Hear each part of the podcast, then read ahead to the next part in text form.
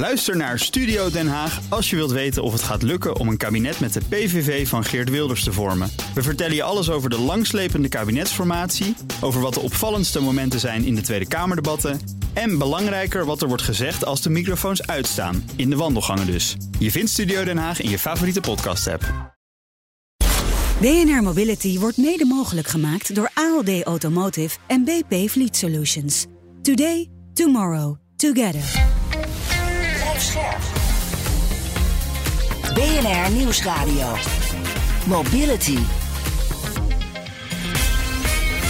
Meindert Schut en Nout Broekhoff. De kans is groot dat een nieuw elektrisch stadsvoertuig dit najaar de weg op gaat in ons land. Ja, Microlino. Uh, de Belgische importeur wil het uh, opvallende karretje, zoek hem maar even op. Ja, het is, het is een, soort eitje op wielen met een, een deur aan de voorkant. Klopt. Goed omschreven. Heel Ja. goed van je. Ja. Graag gedaan. Ehm, nee, maar die Belgische importeur wil dat, eh, wil dat kartje bij ons op, eh, op de markt gaan brengen. En ik heb er alvast kennis mee mogen maken in Brussel. Ja, ben je ook al begonnen met sparen? Ja. Hij is wel heel erg duur, ja. Ja. Dat Ja. gaan we straks allemaal vertellen, ja. Straks eh, meer dus over die eh, Microlini, die spirituele opvolger eigenlijk van de iconische BMW Isetta, zou je kunnen zeggen. Ja, dat, dat is wel eh, waar die op gebaseerd is. Ja. Goed, dat straks dus, maar nu eerst Fountain Fuel. Het eh, bedrijf dat waterstoftankstations bouwt, heeft via een eerste sharefunding ronde 650.000 euro opgehaald. De directeur is eh, Stefan Bredewold. Welkom. Leuk dat je er bent. En dat hier mag zijn. Vers kapitaal. Ja, dit is natuurlijk niet het, het enige kapitaal wat we hebben opgehaald. Eh, we vinden het belangrijk dat, eh, dat als je met waterstof bezig bent, dat je dat wat breed kunt delen. De revenues eh, daar, eh, daarvan, vandaar dat we dit, eh, dit initiatief hebben gel- gelanceerd. Het is een eerste share funding ronde, dus hoe, hoe werkt dat precies? Ja, nadat we wat, eerst wat founding, wat, wat andere investeerders aan boord hebben, hebben we gezegd we willen wat, het wat breder neer, neerzetten. Er is een platform dat heet iVester, iVester.com. Dat is een soort share funding waar je aandelen kunt kopen binnen, binnen het bedrijf. Daar kopen mensen voor 325 euro een aandeel in Fountain Fuel. Krijgen daar wat eh, dividend eh, op. En dat is eigenlijk een, voor, voor de wat kleiner, makkelijker instap van dit soort eh, trajecten heel leuk om te doen. En dan zie je eigenlijk dat heel vlot dat dit al is volgelopen. Ja, kun, je, kun je dit ook een beetje zien als een soort fanbase van de waterstof? Als ik zie wat voor soort mensen er komen, die, die zijn Ja. believers in waterstof. Er is ondertussen al een hele eh, ba- batterij en believers in eh, batterij elektrisch. Ja. Eh, soms denk ik af en toe, we zitten in een soort van 80-jarige oorlog van de, tussen de katholieken en de protestanten. Nou, wij geloven als Fountain Fuel in beide technieken. Maar we vonden wel dat vooral dat waterstofdeel wat meer aandacht mocht krijgen. Nou, Het heeft een beetje een achterstand, hè? zou je het, kunnen het- zeggen. Het, heeft qua, in ieder geval in de beeldvorming heeft Ja. het een achterstand. Ook zijn er natuurlijk minder voertuigen op dit moment. Dus het heeft nu wat setje nodig, uiteindelijk. Eh, maar dat hoor ik ook te zeggen. Maar het is ook echt feitelijk zo. Zie je dat, eh, dat, eh, dat voor een heel groot deel van de markt er natuurlijk echt ruimte is voor waterstof. Om een veelheid van redenen. Maar goed, het heeft een setje nodig. Ja, zeg het niet tegen de EV-lobby, hè? Want nee, waterstof, dat, dat moet gewoon buitenspel staan. Dat willen we niet. Inefficiënt. Ja. Ja. Het is wel vechten tegen de bierkaai, hè? Nou, ik, nee, ik vind geen bierkaai. Het is een, het is een en-en eh, eh, eh, verhaal. Eh, even voor, voor het beeld. Die stations, de Fountain Fuels die wij gaan eh, bouwen... dat is een combinatie van waterstoftanken en elektrisch laden. Dus wij geloven in beide technieken. We, we bieden op, op onze stations geen, geen fossiele brandstoffen meer aan. Daar investeren we niet in. Dat is, eh, dat, dat is waar eenmaal. Ja. Dat doen we niet meer.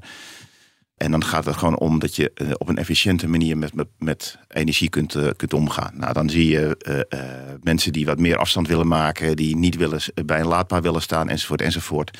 Dat die eigenlijk als gebruiker liever voor de waterstofroute straks gaan. Transporteurs die wat meer gewicht willen hebben, meer range willen hebben, die zullen voor de waterstofroute gaan kiezen. Maar ja, goed, als jij eh, eh, een kleine auto hebt en jij rijdt elke dag 20 kilometer heen en weer naar je werk. En je kunt op je werk ook laden, nou prima. Ja, dan is eh, waterstof misschien ook wel een beetje een brug te ver natuurlijk voor die mensen. Voor, voor die groep mensen Ja. zou dat zomaar kunnen zijn. Dus, dus wat ik zeg, daarom bieden we ze eigenlijk allebei aan. Wat natuurlijk een heel groot probleem is, wel voor de batterij elektrische, de EV-believers, eh, zei je het net geloof ik volgens Ja, mij. of de believers. De believers. Believers. Wat je daar natuurlijk wel in ziet, is dat eh, we op dit moment in Nederland een ontzettend groot probleem hebben qua netcongestie. Dus heel leuk dat we heel veel meer batterij-elektrische auto's willen gaan eh, in, eh, inbrengen. Maar ze kunnen straks niet meer geladen gaan worden. Nee. Op heel veel plekken loopt het net vast. En dan zie je dat op heel veel plekken ook gemeenten en overheden nu de keuze maken. Minder laadpunten, ook minder laadpunten in de Ja. stad. En, en gewoon makkelijker, eh, eh, dan is waterstof makkelijker. Nou, en jullie hebben dus eh, ook gelovers binnen, Ja. binnen de groep. Nu, dat, daar is geld mee opgehaald. Waar gaat dit voor gebruikt worden? Ja. Even los van, van dat, wat, wat we net eh, in iVester hebben genoemd. Da- daar kun je niet een heel netwerk aan tankstations mee eh, bouwen. Nee, want prijzig, 650.000 euro, daar krijg je nog niet één tankstation van. Nee, nee, nee, nee, precies. Zo is het. Even grofweg eh, wat we nu... eh, we hebben natuurlijk wat meer kapitaal opgehaald bij eh, hè, equity kapitaal opgehaald. Daar bouwen op dit moment drie stations eh, mee. In Amersfoort, in Rotterdam en Nijmegen. Dat zijn grote stations. robuuste stations, grote kavels van eh 4000 meter eh, of, eh, of meer. En voor een stukje gebruiken we daar ook dat iVester geld eh, voor. En as we speak zijn we nu, eh, nou ja, dat kan ik ook wel zeggen, gaat er op iVester gaat een nieuwe ronde eh, open. Dat we weer wat aandelen weg uit, willen uitgeven. Dat is leuk. Dus op het moment dat we dit uitzenden, dan rent iedereen straks naar zijn computer toe en die gaat naar iVester.com. Moet je snel bezig, want het gaat wel hard. Maar goed, daarnaast zijn we ook met gro- grote financials bezig om te zorgen dat we die stations kunnen gaan financieren. Eh, wat ik al zei, we hebben er nu drie staan. In april kunnen we station eh vier tot het- net kunnen we er weer vier communiceren. Dat moet ik nog heel even voor me houden. En in eh 2025 staan we op elf plekken in, in Nederland. Oké, dus jij gaat gewoon zelf een landelijk dekkend netwerk bouwen. Ja, ja. Dat, dat is wel ambitieus. Ja, ja aan de ene kant wel, aan de andere kant niet. Nou, ik heb het nog niemand anders zien doen. Nee, nee. Nou ja, het, het leuke is, onze USP is natuurlijk dat we vaart kunnen maken. Dat is het verschil tussen de, op dit moment de fossiele industrie, die het toch wel een beetje spannend vindt, eh, waterstof. Mhm. Want uiteindelijk elke kilo waterstof die, eh, die wij straks gaan verkopen is een, een beetje minder diesel. Eh, die belangen hebben wij niet. Dus wij zijn inderdaad een, een, een nieuw kit aan de blok. En dit Ja. is waar, waar ons verdienmodel in, in zit. Ja, hoort maar, een hele, hele strategie bij, een hele branding bij. En iemand moet die kippen gaan neerzetten, want anders komen die auto's nee, niet. nee, precies. Die eieren die volgen dan niet. Maar eh, is, het, is het makkelijk om die vergunningen te krijgen? Hoe, wat voor locaties komen die waterstoftankstations? Nou, als je nu kijkt eh, in Amersfoort, eh, dat is dan de eerste die dan open gaat in Ja. mei. eh, dan zitten we eh, op 100 meter van de A28 op, eh, en, en op drie- 300 meter van de A1. Dus echt een hele cruciale locatie voor de BV Nederland, moet Ja. ik zo te zeggen. Goed Ja. toegankelijk. Op een bedrijventerrein.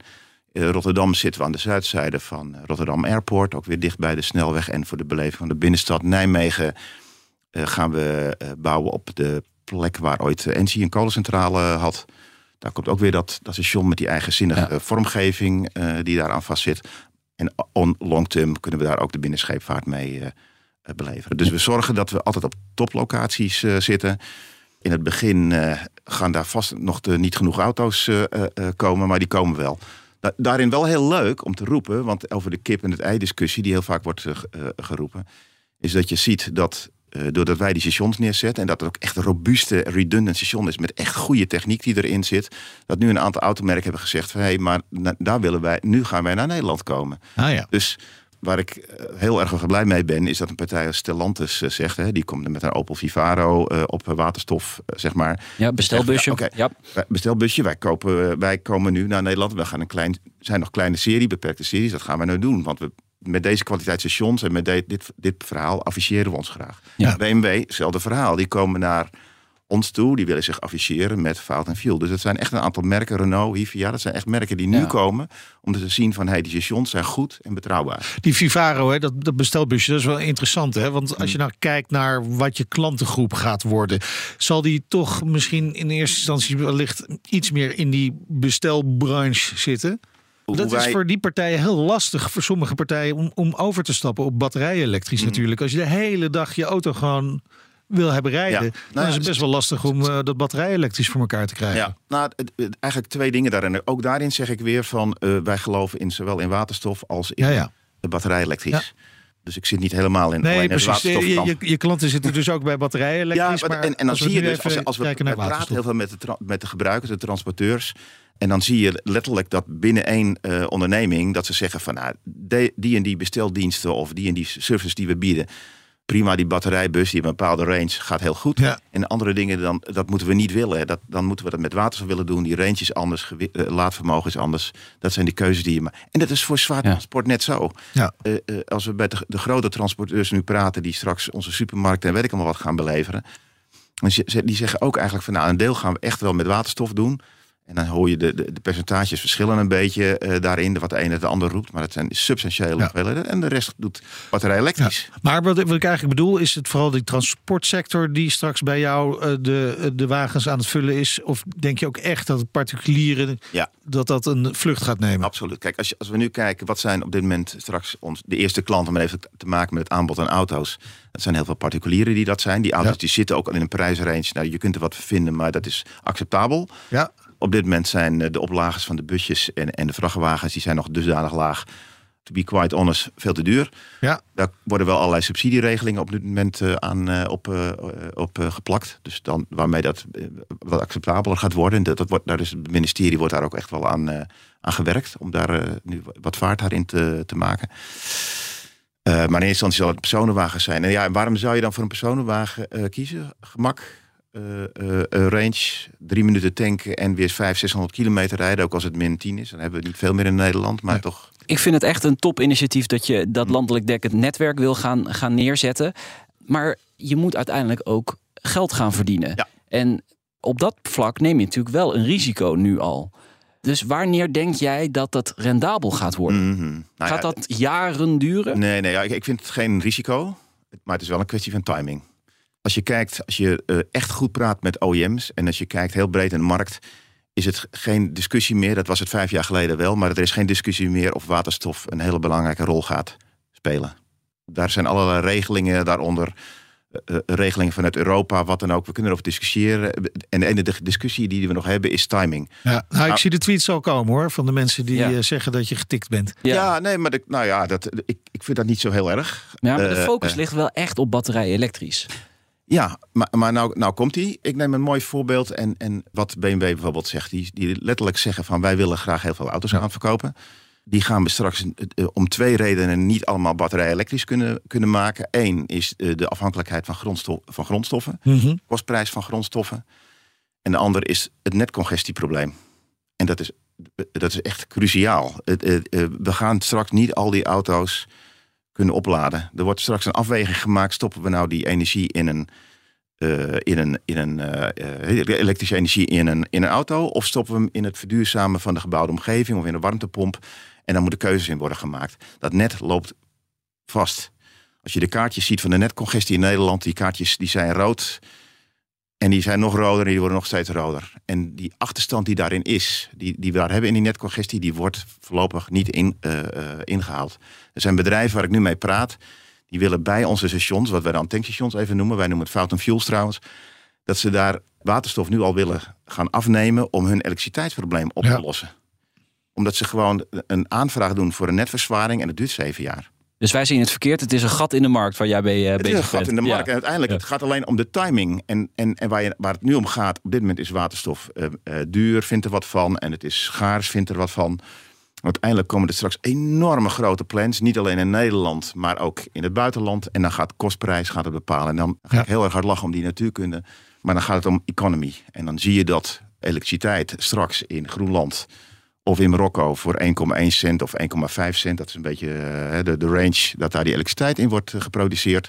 Dat is kostprijs. En dan moet die elektriciteit hier naar Nederland worden vervoerd. Nou, doe dat maar door een kabel heen. Die kabel ligt er eh, niet morgen en overmorgen ook niet. Die ligt er gewoon namelijk nooit. Dat is veel te duur. Er zit energieverlies in.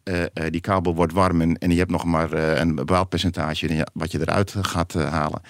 Dus dat moet je vervoeren naar Nederland. En dat is maar één route. Dat is dat die elektriciteit om te zetten in moleculen. Ja. En ja, daar zit verlies in, zeker. Maar uiteindelijk wint economie het. Kostprijs. Die eh, eh, Fountain Fuels tankstations die komen er dus. Ja. Eh, eerst in Amersfoort eh, binnenkort.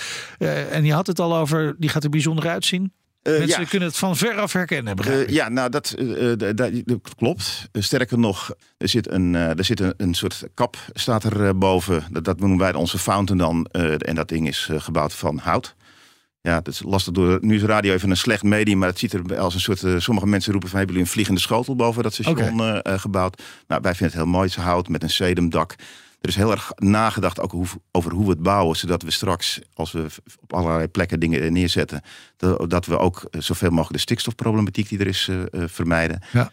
Ja, we vinden gewoon dat er een eigenzinnig ontwerp bij moet uh, zijn. Dus nou, we gaan het ziet ook, er mooi uit. Het ziet er mooi uit, ja. ja zeker. We gaan ook echt heel bewust, we gaan ook niet onder de kap bij wie dan ook. Die aanbiedingen, uh, zo gek zijn we dus blijkbaar niet. Maar die aanbiedingen hebben we al wel gehad, maar we gaan niet bij de, onder de kap bij een ander. Wij zijn er gewoon echt een nieuw merk die dit doet. Heel veel succes uh, daarmee met de uitrol van de tankstations... waar je zowel je batterij kunt opladen als dus waterstof kunt tanken. Ja, een artist impression uh, zet ik op onze website bnr.nl slash mobility. Stefan Bredewold, directeur van Fountain Fuel.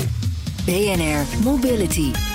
Microlino, het uh, elektrische stadsvoertuig uit Zwitserland, komt uh, wel eens ter sprake hè, in een van onze mm -hmm. uitzendingen. Maar Nout, boter bij de vis. Jij hebt echt kennis gemaakt met de Microlino. Klopt. Uh, kwam in contact via LinkedIn eh, met iemand in, in Brussel. Die werkt bij Dieteren. En ja, die importeren de, de Microlino. Dieteren is eigenlijk de evenknie van, van Pon, maar dan in België. Een importeur, hele grote importeur. En die haalt dus de Microlino vanuit Zwitserland naar België en Luxemburg. En mogelijk dus ook naar Nederland. Het is een opvallend en aaibaar ding. Zeker. Het is een echte eyecatcher. En dat heeft dus vooral te maken met het ontwerp. Dat ziet er natuurlijk heel leuk uit. Maar ook de manier waarop je in dat voertuig stapt. Hè. Je doet de voorkant van het voertuig open. En dan ja, stap je er zo letterlijk in. Ja, dat is wel bijzonder natuurlijk. Ja, en jij hebt dat dus ook letterlijk gedaan samen met Vincent Struijen. Hij is directeur Micromobility Belux bij Dieteren. Ja, kom naast je zitten passen en meten, maar het is gelukt. Wij zijn allebei vrij lang. Hoe, hoe lang ben jij? 1,92. Ik ben 1,94. Ja, het past gewoon. past heel goed. We zitten vrij aangenaam en vrij ruim. Dus een beperkte wagen, iets minder dan 2,50 meter lang. Maar toch twee grote heren van meer dan 1,90 meter die er ruim in zitten. Nou, kijk aan. En er is ook nog ruimte achterin, hè? Er is nog een kofferbak, een goede 230 liter. In België zeggen we drie kratten bier. Om de mensen een idee te geven van hoe groot is het, want 230 liter zegt niet veel. Maar je kan er dus wel je, je boodschappen heel makkelijk in kwijt. Mensen die autoliefhebber zijn, die kennen het ontwerp. Dat kan niet anders. Als je een beetje autogeschiedenis hebt, dan ken je het ontwerp zeker. Eind jaren 50, begin jaren 60 was er iets genaamd een BMW Isetta. Dat was eigenlijk een licentieproduct. Zeven verschillende constructeurs hebben de Isetta gebouwd. Dus het model waar dat eigenlijk de voorkant van de wagen helemaal open gaat en als deur gebruikt wordt. Het is een kleine vierwieler, gebouwd voor twee personen, 100% elektrisch, is eigenlijk een microcar. Dus een heel kleine, zeer beperkte wagen. Wij kennen ze hè? in Nederland ook. Uh, Biro, uh, de, de Opel Rocks E, uh, Citroën Ami heb je natuurlijk. Maar dit is net weer even anders hè? Inderdaad, de, het grote verschil zit in de categorie. Als we heel technisch gaan, degene die u net opgenoemd hebt, zijn L6E-categorie. De Microlino is een L7E-categorie. Het grote verschil daarin voor de Belgische markt is het kentekenbewijs en de maximumsnelheid. De L6E-categorie is gelimiteerd aan 45 km per uur. De L7E-categorie gelimiteerd aan 90 km per uur. Dus de Microlino kan 90 km per uur en kan eigenlijk dus heel makkelijk met het stadsverkeer mee en zelf het verkeer net buiten de stad. Hij zou in principe op de snelweg mogen rijden. In België mag hij op de snelweg rijden. De snelweg in België is minstens 70 km per uur. De Microlino kan 90, dus het mag. Maar, moet je het doen? Voor korte afstanden op de autosnelweg zou ik het wel doen. Om een lange rit te doen, uh, bestaan er betere mobiliteitsoplossingen. Gordel om. En gaan. De snelweg op, het kan dus. Uh, maar ik uh, beperk het even vandaag tot het centrum van Brussel. En dit is eigenlijk ook de plek waar een voertuig als de Microlino het beste uit de voeten kan in de smalle straatjes hier in, in Brussel. Waar het overigens best wel druk is. Dus heel veel vrije baan heb ik nou ook weer niet. Goed, ik heb nu een paar keer dit soort voertuigen gereden. Bijvoorbeeld de Rox E, de Biro, de Carver natuurlijk. Tja, het, het verschilt allemaal niet heel erg van elkaar. Het is elektrisch, dat hoor je ook. Het lijkt soms wel of je in een tram of een metro zit.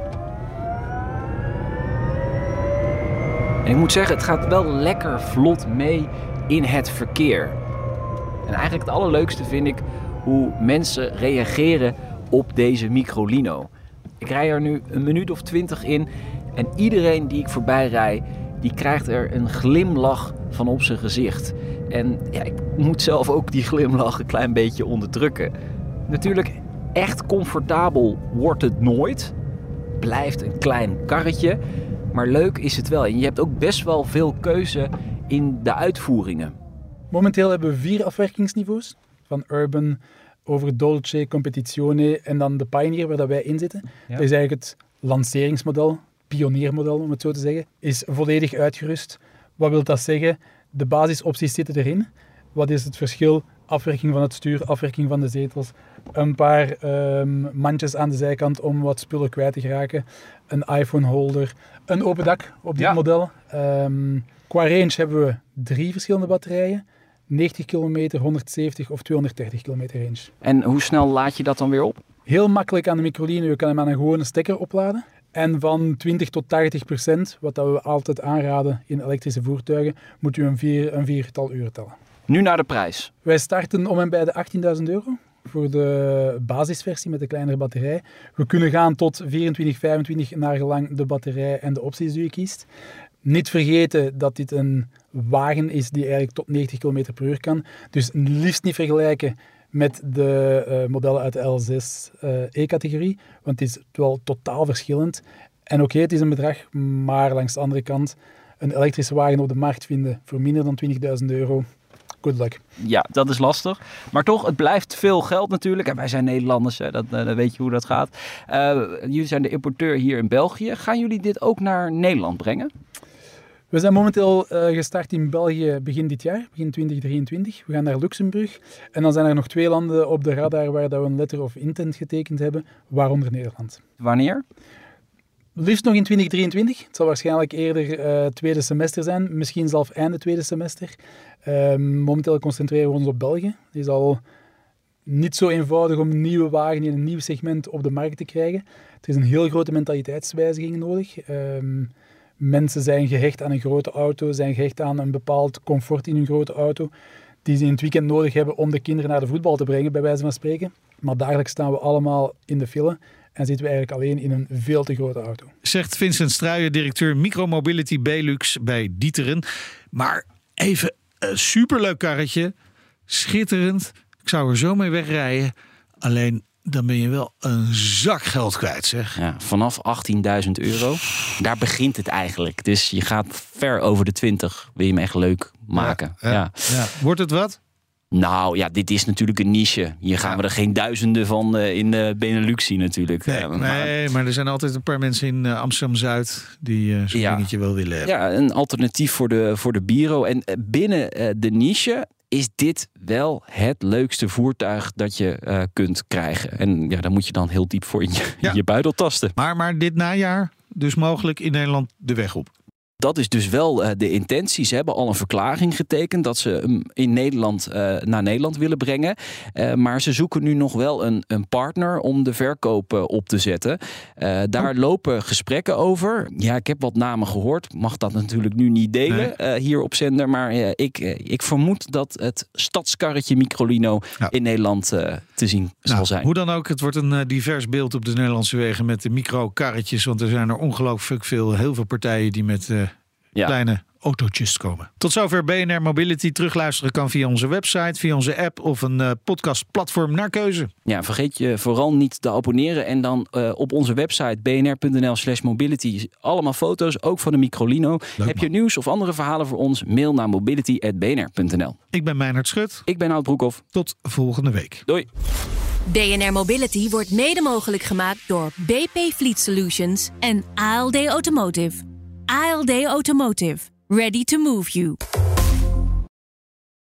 Ook Hugo Reitsma vind je in de BNR-app. Superhandig die BNR-app. Je kunt alle programma's live luisteren, breaking nieuwsmeldingen. Je blijft op de hoogte van het laatste zakelijke nieuws. En je vindt er alle BNR-podcasts, waaronder natuurlijk de belangrijkste, Boeken zijn in de wijk. Download nu de gratis BNR-app en blijf scherp.